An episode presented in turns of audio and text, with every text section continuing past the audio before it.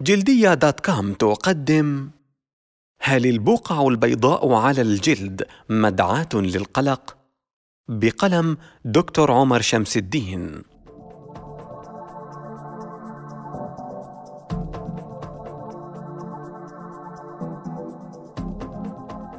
أحضر أب ابنه إلى العيادة بسبب وجود بقع بيضاء على ذراعه وكان قلقا بشدة بسبب هذه المشكلة هل تستدعي هذه المشكلة هذا القلق؟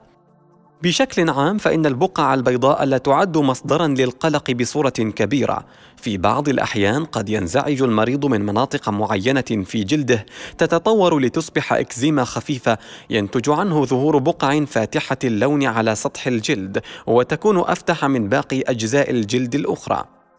هذه المشكلة شائعة الحدوث عند الأطفال لأسباب عديدة مثل مرضى الإكزيما الجلدية من الأطفال، أصحاب البشرة السمراء، جفاف الجلد بسبب الجو الجاف أو الغبار أو استخدام الصابون بكثرة.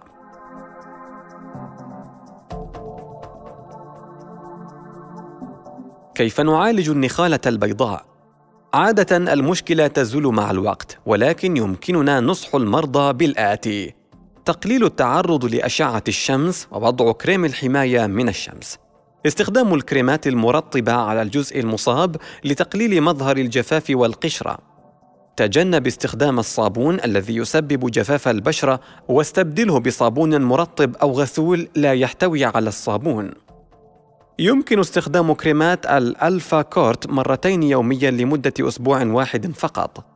يمكن إرجاع السبب لظهور البقع البيضاء على الجلد إلى عامل آخر عدوى الخميرة السطحية والتي قد تؤدي بدورها إلى جعل سطح الجلد يبدو أفتح أو حتى أغمق من باقي أجزاء الجلد الأخرى. وفي هذه الحالة فإن العلاج يكمن في استخدام كريمات أو شامبوهات مضادة للفطريات. راجع مقالة التينيا الملونة سؤال وجواب. متى ينبغي عليك القلق؟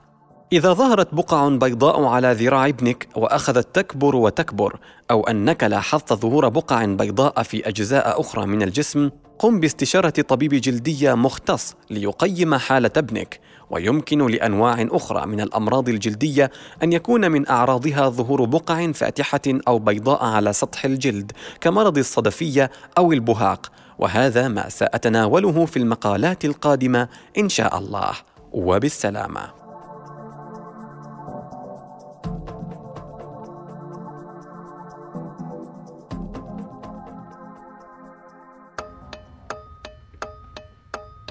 استمعتم إلى مقال بعنوان هل البقع البيضاء على الجلد مدعاة للقلق؟ استمعتم إليه عبر موقع جلدية dot com. www.جلدية.com جلدية dot com